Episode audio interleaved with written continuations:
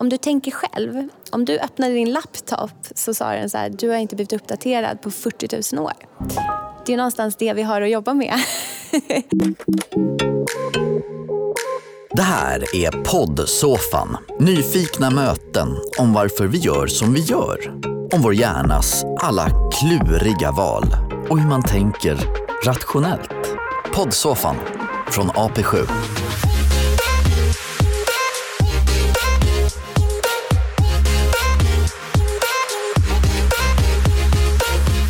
Om du ska ta ett ekonomiskt beslut, vad brukar påverka dig då inför detta?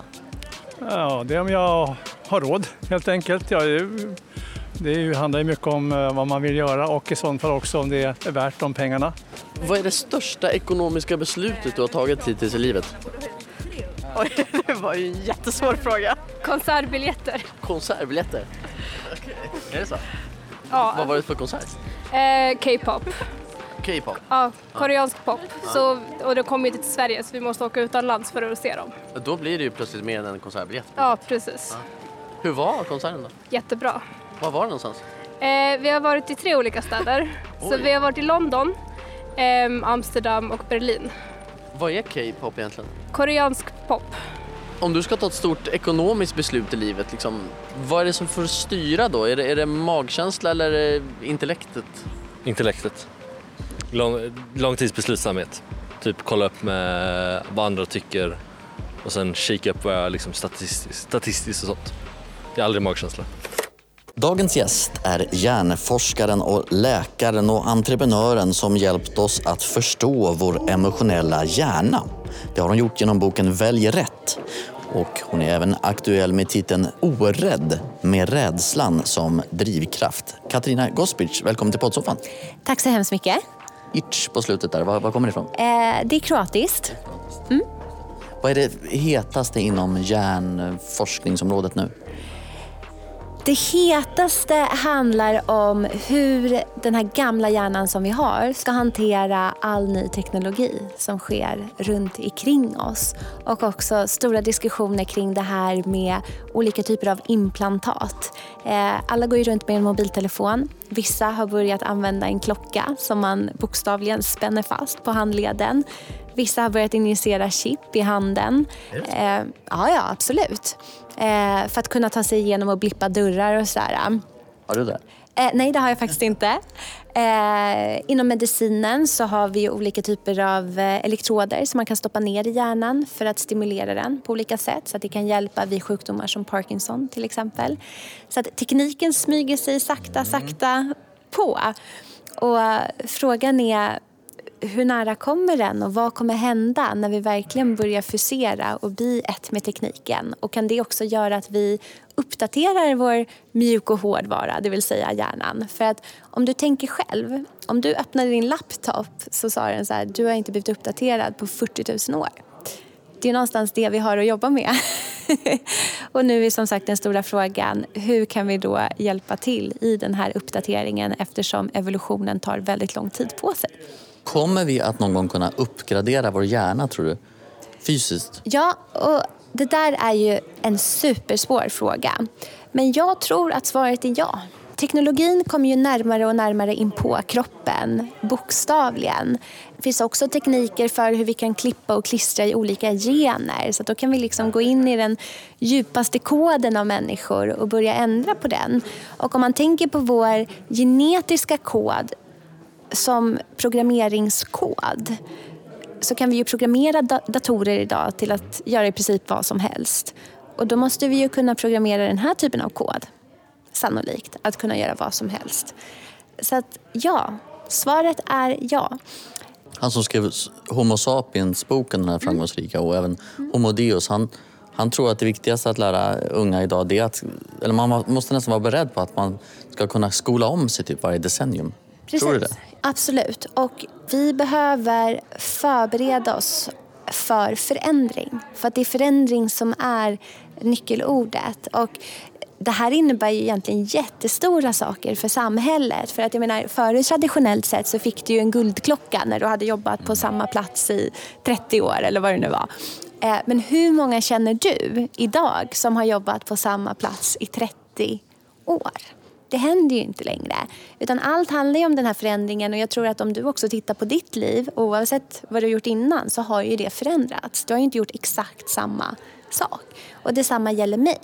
Eh, och tekniken smyger, som, eh, smyger sig som sagt in i precis alla branscher. Oavsett om vi pratar om ekonomi och hur du ska liksom fondförvalta på bästa sätt och det området som kallas fintech och ja, hur utvecklar vi de här fantastiska algoritmerna som hjälper folk till olika typer av sparande eller ekonomisk planering, hitta strategier. Eller om man pratar inom medicinen så börjar ju liksom robotar ta över. Eh, vi vet redan idag att om du är sjuk, pratar med en dator så kommer den datorn kunna spotta ut sig bättre svar än en människa.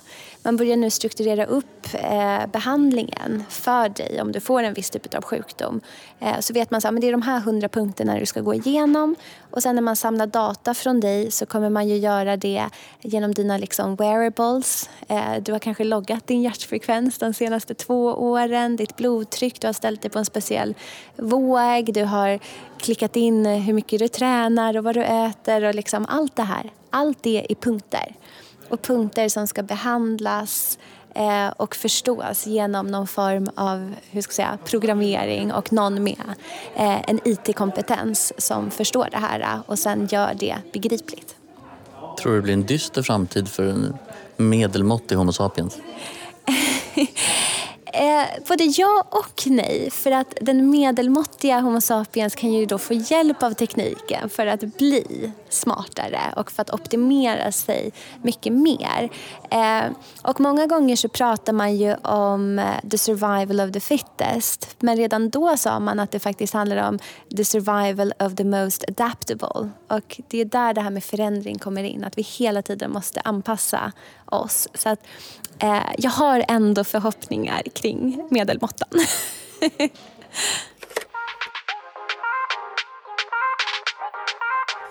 Du är hjärnforskare och läkare. Det här är tunga titlar i min värld. Det sägs att du har 4 000 högskolepoäng. Oj! Eh, ja, alltså jag har eh, utbildning som motsvarar 13 år. Eh, men eh, jag vet faktiskt inte exakt vad det är i högskolepoäng. 4 000 låter väldigt Ja, det låter, jag mycket. tog i lite där. Ja, ja, nej. Du, har ju, du har ju ett läshuvud då. Ja, ja, men precis. Jag har pluggat väldigt mycket och väldigt länge kan man säga. Vilka är de vanligaste frågorna du får? Om vi använder hela vår hjärna. Använder vi hela vår hjärna? Ja. Men inte samtidigt. Jag brukar likna det vid en symfoniorkester.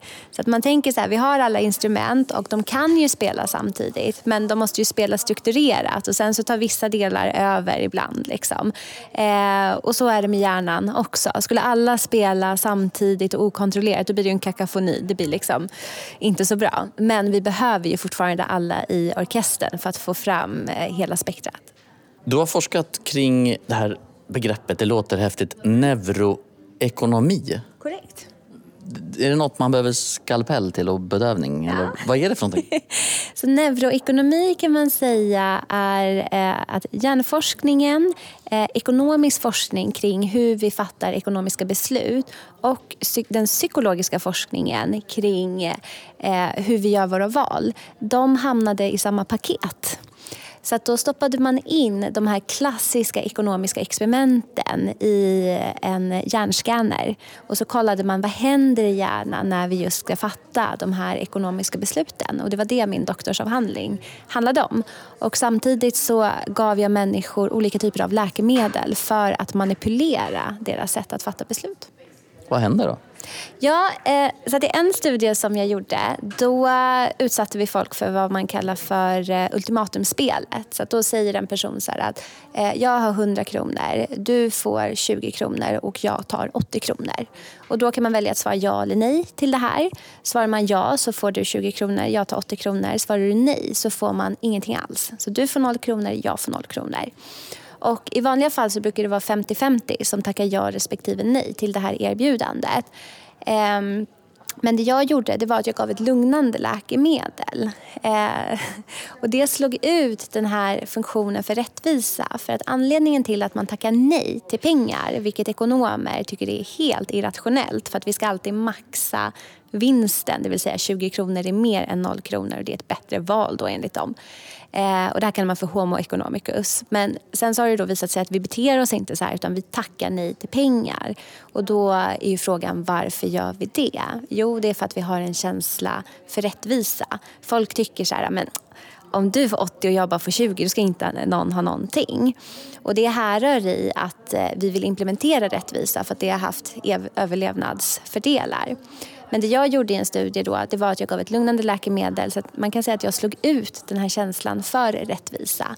Så att det i sig gjorde då människor mer rationella inom situationstecken. Och då tackade de ja i större utsträckning till eh, den här typen av orättvisa förslag och samtidigt så såg vi att en struktur i hjärnan som heter amygdala, eh, dess aktivitet minskade när man då tackade ja eh, i de här situationerna.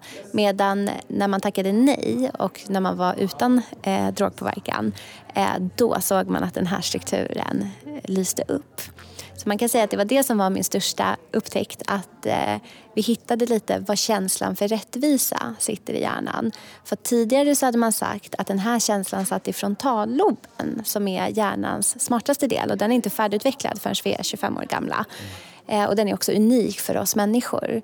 Eh, men vi kunde visa då att det här satt i amygdala som är en väldigt primitiv struktur som vi delar med råttor, ormar och ödlor. Och hur kan man ha nytta av den här då? konkret i verkligheten så att säga? Sådana här forskningsresultat? Jo, men det handlar ju om att vi förstår hur vi fattar beslut. Eh, och det stämmer ju då inte det här som ekonomerna tror att vi är rationella beslutsfattare utan tvärtom. Vi är väldigt mycket känslomässiga beslutsfattare som kan fatta ett rationellt beslut då och då. Och det här handlar ju om att eh, visa och skaffa kunskap kring våra känslomässiga system och hur mycket de faktiskt styr oss. Eh, och det är ju så att vi har ju samma hjärna idag som för 40 000 år sedan. Så att jag brukar alltid säga att vi är grottmänniskor i förklädnad. Det spelar ingen roll att vi har gått på de finaste handelshögskolorna eller pluggat vid fina medicinska universitet. Vi är fortfarande grottmänniskor i förklädnad.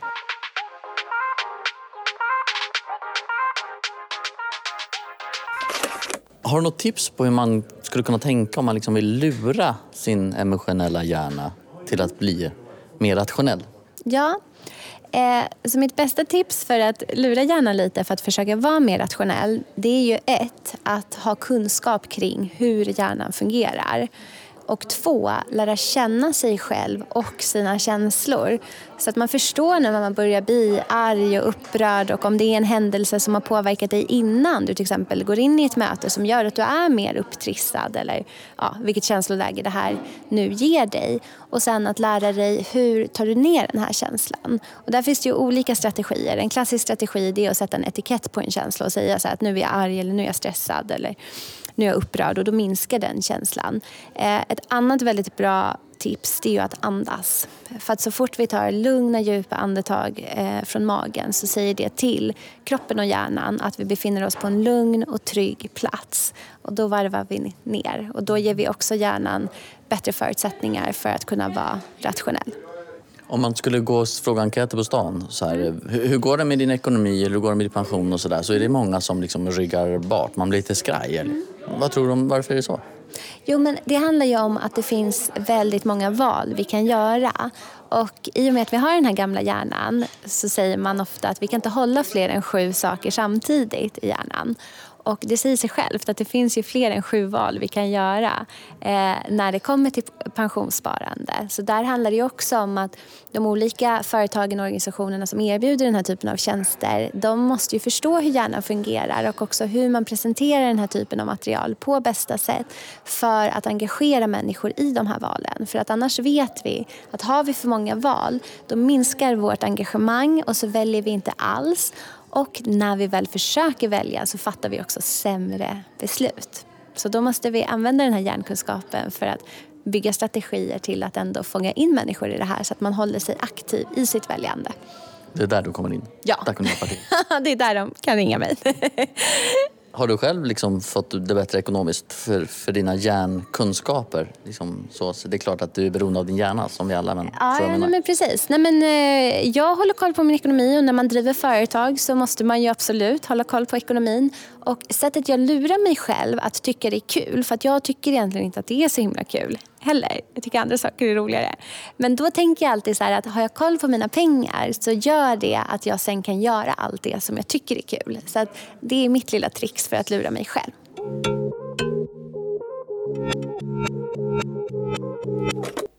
Får man ställa en harmlös fråga till min podd? Nej, det är bra. Nej, tack. Okej. Ska vi prata lite om hur du beter dig ekonomiskt? Nej, jag är jurist så ju ekonomi är inte riktigt min starka sida. Jag har varit ute lite på stan och ställt frågor om, om rädsla och sådär. Och, och ekonomi har jag nämnt också. Då är det flera så här som har nej, nej, du vet, gått iväg på, på gatan och sådär. Som att de blir lite rädda nästan. Ja, ja men, det det, handl- nej, men det det handlar om det är att eh, när vi blir rädda så triggas amygdala, den här primitiva känslostrukturen. Spring. Ja, precis. Och den gör att vi vill fly eller fäkta. Så fly, där inkluderas ju då springa. Och fäkta handlar ju om att man kanske då vill slå ner dig för att du liksom kittlar det här eh, obehagliga. Ehm, och det är ju inte så bra. Men det det ofta handlar om det är ju att när vi vet att vi kanske inte har tagit tag i någonting som vi borde, då växer ju det här obehaget och så beter vi oss på det här sättet. Och då kan man ju använda det här som en kraft. Så istället för att man vill slå ner dig eller springa därifrån så kan man tänka så här, nej men nu måste jag verkligen ta tag i det här. Och att den här äh, fäkta situationen istället blir att man kavlar upp ärmarna, börjar ta tag i saker, strukturera upp det och försöka då göra rätt val kring sin ekonomi och så. Konfrontera det här som är jobbigt. Det var ju en man i typ runt 60 som, som reagerade sådär, som, som sprang iväg nästan. Ja. Kanske visste med sig att han borde ha tagit tag i sin pension. Precis så. Ja, och där blir det ju extra läskigt för att om man då är 60 då kanske det är bara fem år kvar. Och då är det här obehaget ännu starkare. Medan om du träffade en 20-åring så kanske du inte märkte att de kände samma, det här man brukar kalla för sense of urgency. Hur mycket brinner det i knutarna egentligen att ta tag i det här? Och ju äldre man eh, är och blir desto närmare är vi ju den här punkten då vi börjar inse så här, oh, kanske inte var superbra val jag gjorde eller så där. Och det är jobbigt att behöva tänka på det. Kan man vända en eventuell rädsla till någon drivkraft tror du?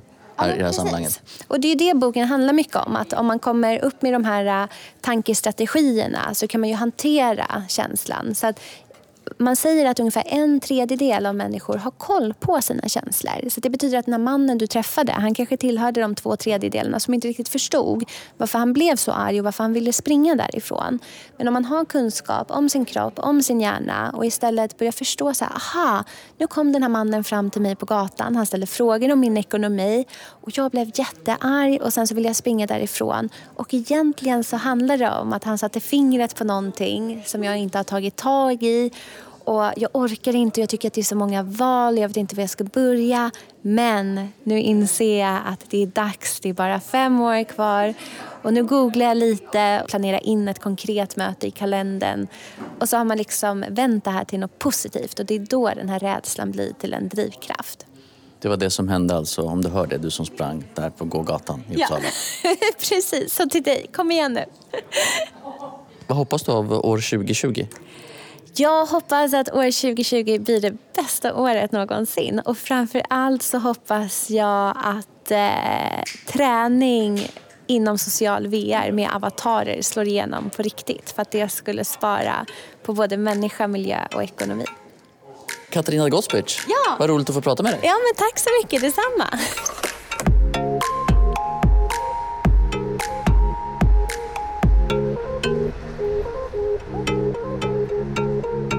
Poddsoffan från AP7.